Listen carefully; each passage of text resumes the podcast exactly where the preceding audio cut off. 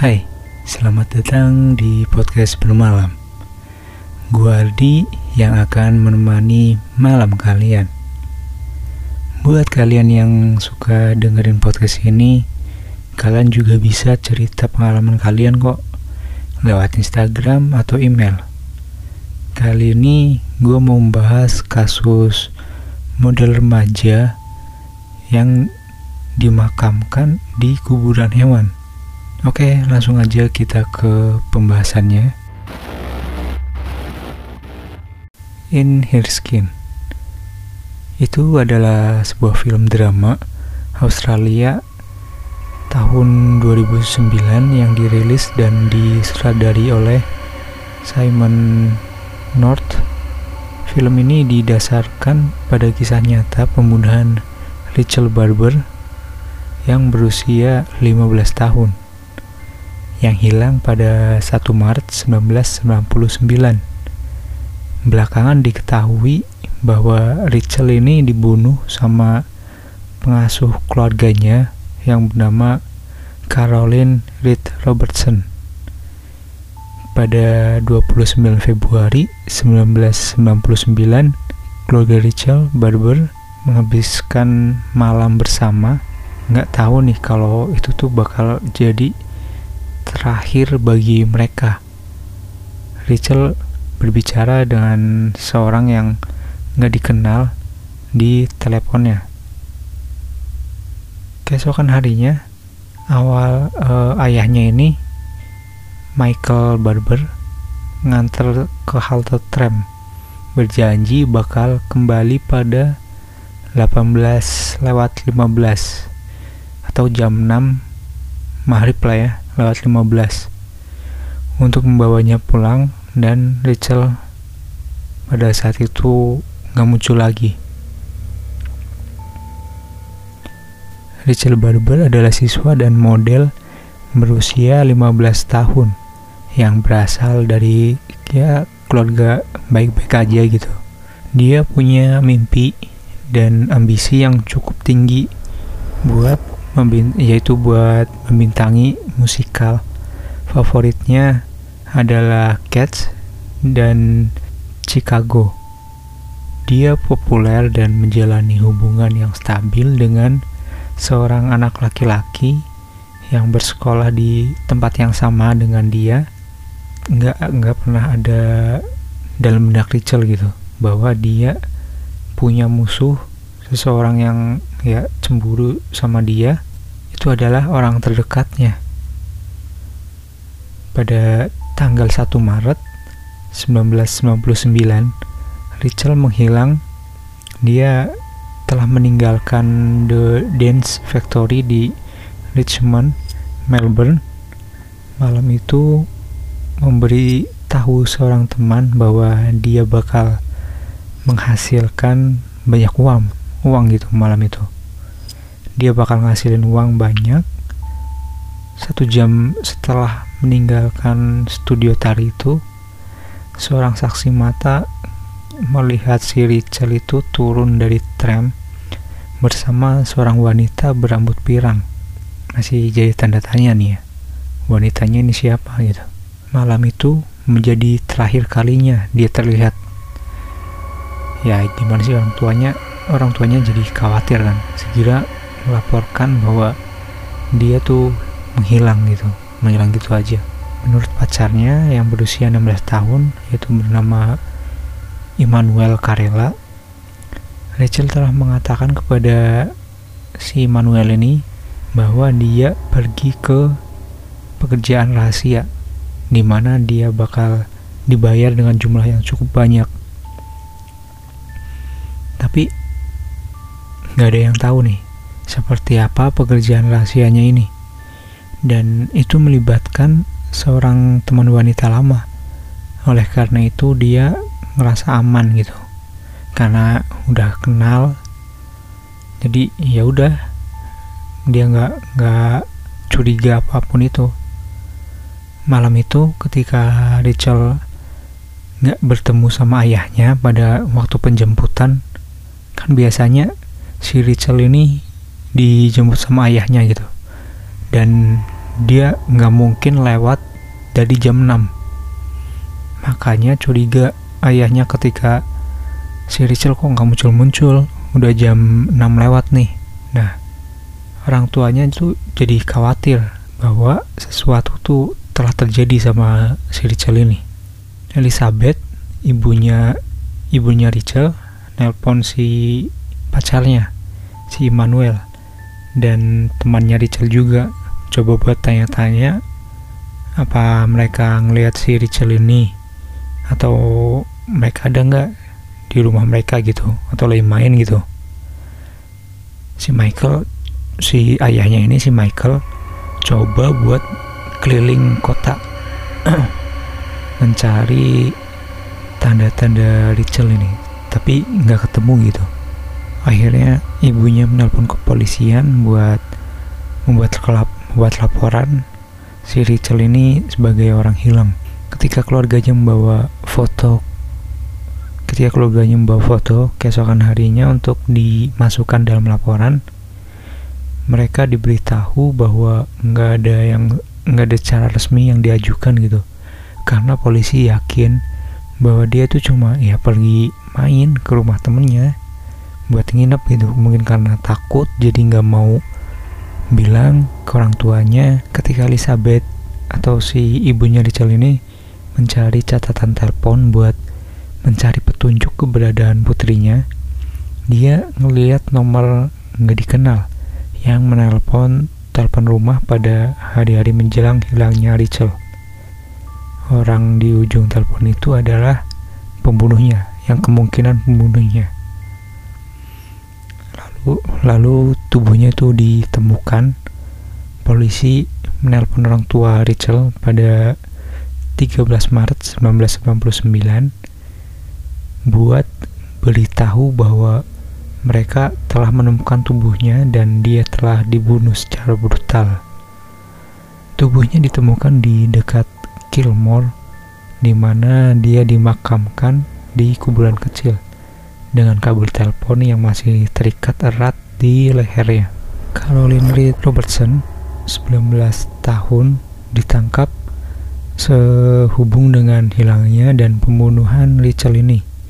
Kabel itu dilacak kembali ke tempat kerja Caroline. Caroline Reed Robertson adalah teman keluarganya. Dia pernah mengasuh Rachel dan adik-adiknya di masa lalu. Tetapi seiring waktu dia mulai mengembangkan obsesi dengan Rachel gitu. Karena kecantikannya terus popularitasnya rekan kerjanya juga mengatakan bahwa Caroline itu telah mengambil beberapa cuti dengan alasan sakit. Terus berbicara terus tentang Rachel jadi teman-temannya jadi curiga juga gitu. Caroline telah merencanakan pembunuhan Rachel berencana buat membiusnya masukkan tubuhnya ke dalam tas dan membuangnya ke suatu tempat terpencil yang akan sulit ditemukan. Tapi laporan otopsi ini mengungkapkan dalam pembunuhannya Rachel dan penyebab kematiannya adalah pencekikan. Obsesi fatal yang dilakukan sama si Caroline ini yang di mana Caroline ingin menjadi Rachel dan bermimpi buat mencuri identitasnya. Dia percaya Rachel punya semua kualitas yang diinginkan yang kurang dari dirinya gitu. Terdapat buku yang ditemukan di dalam buku itu atau kita sebutnya jurnal lah ya, termasuk catatan dan sketsa dirinya dengan kata-kata yang mendahkan dirinya seperti gemuk, dan jelek gitu. Dia sangat sadar diri tentang penampilannya dan merasa bahwa orang lain di sekitarnya itu menjelekkan dirinya. Hingga timbul perasaan negatif yang dia punya tentang dirinya sendiri. Dia jadi overthinking sendiri gitu. Sangat menarik, tubuh menari, kulit pucat, sangat jernih, mata hijau yang bikin menghipnotis semangat bebas yang liar, bergairah, menawan, murung, misterius. Itu adalah deskripsi Caroline tentang Rachel yang terdapat di bukunya itu atau di jurnalnya. Ketika polisi tiba di apartemen Caroline, mereka menemukan Caroline terkunci dan memanggil pemadam kebakaran buat masuk. Mereka menemukan Caroline pingsan di lantai. Dia mungkin menderita serangan epilepsi. Epilepsi. Nah, sepertinya dia sedang berkemas buat pergi ke suatu tempat dan dia baru aja mengubah warna rambutnya. Belakangan juga diketahui kalau Caroline inilah wanita yang dimaksud sama si saksi mata yang di mana dia melihat Rachel bersama Caroline ini di tram pada malam dia menghilang. Penyelidik dapat menghubungkan Caroline dengan Rachel melalui catatan telepon ketika keduanya telah berkomunikasi gak lama sebelum si Caroline ini hilang.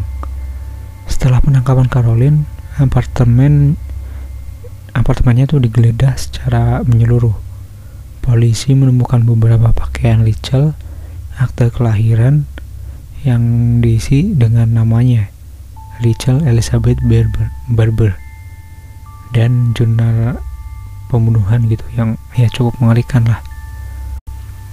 Saya merasa seperti jiwa tersesat yang bermasalah dan tersiksa dilemparkan ke dunia malaikat. Dalam jurnal itu adalah uh, kata-kata dalam jurnal Caroline Robertson.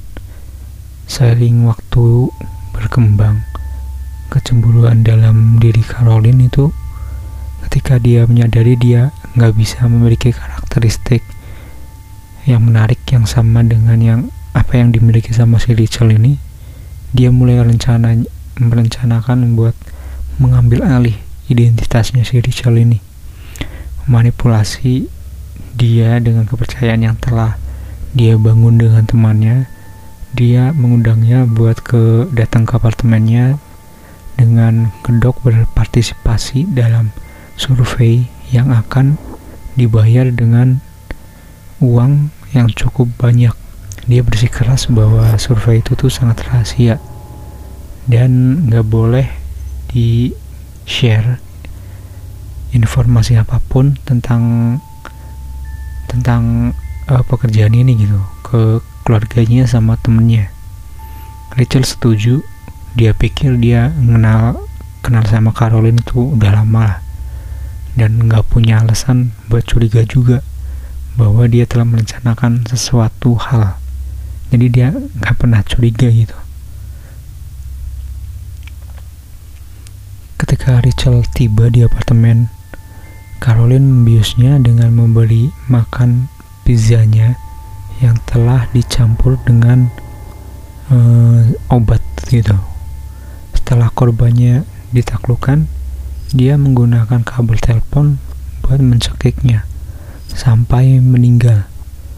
Awalnya jenazah disimpan di lemari pakaian selama beberapa hari, sementara keluarganya Rachel dan penegak hukum mencari Ketika waktu tepat, dia menguburkan Rachel di pemakaman hewan peliharaan di peternakan ayahnya.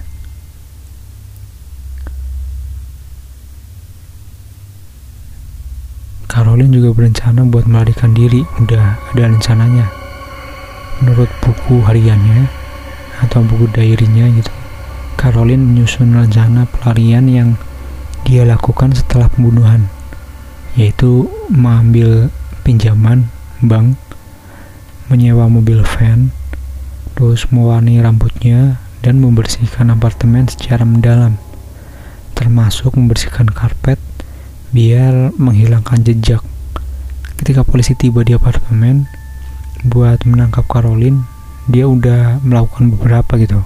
Kayak tadi mengecat rambutnya itu udah terus ya kayak gitu-gitu dia udah melakukan beberapa.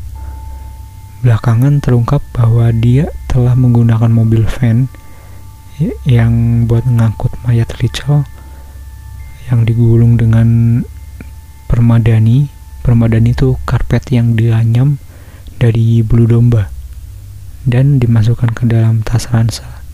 Setelah membuang Rachel, Caroline mengajukan pinjaman bank sebesar 10.000 dolar. Gila nggak?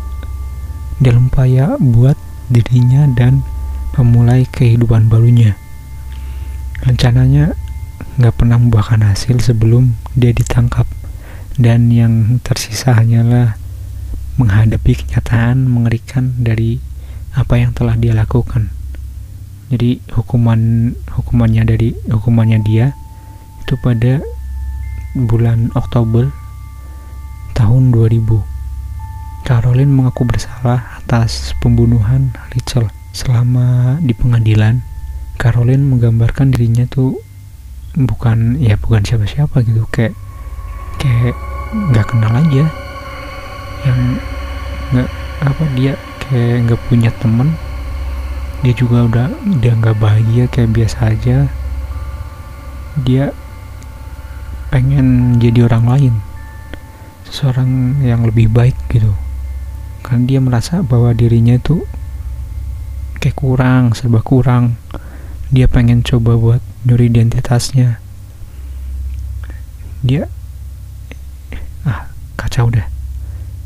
Dia juga menjadi terobsesi dengan Rachel karena dia ya merasa seolah-olah dia adalah perwujudan dari apa yang benar-benar sempurna gitu si Rachel ini.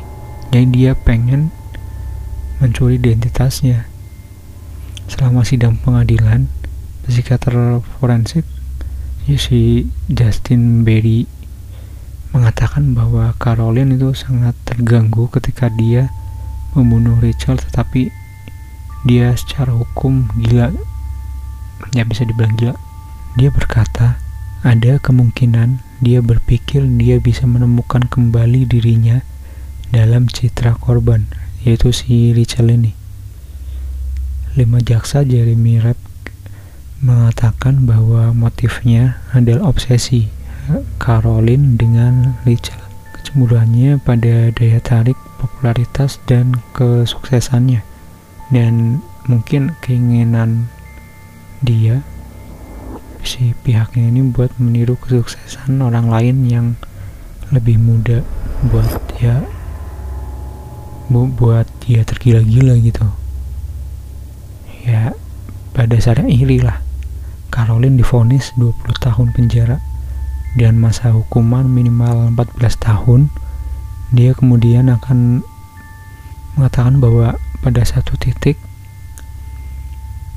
dia mempertimbangkan kembali buat membunuh Rachel.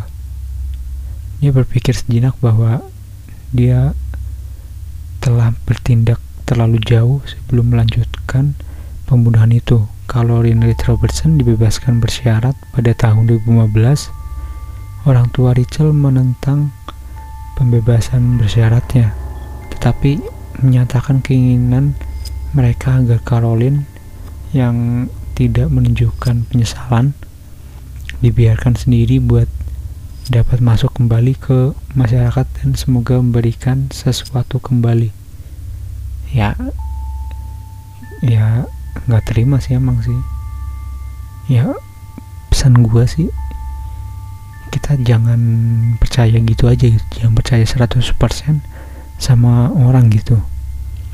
Mau dekat mau enggak tetap harus ada curiga lah paling enggak kalau misalkan tawarin apa ya kita terus pikir kritis gitu.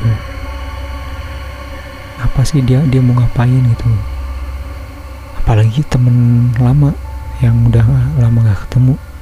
Bisa aja dia berubah gitu aja. Kita kan nggak tahu dia berubah uh, jadi, jadi gimana. Karena udah lama gak ketemu. Bisa aja dia berubah sifatnya. Emang kangen sih ketemu sama temen lama gitu. Tapi kan feelnya kan udah gimana ya udah beda aja. Ketika pertama ketika apa ya ketika dulu lu ketemu sama dia asik-asik tapi pas udah lama gak ketemu terus ketemu lagi pasti feelnya kan udah beda ya itu sih pesan gue dan itulah sekilas cerita bermalam kali ini. Gua Ardi, sampai jumpa di bermalam berikutnya.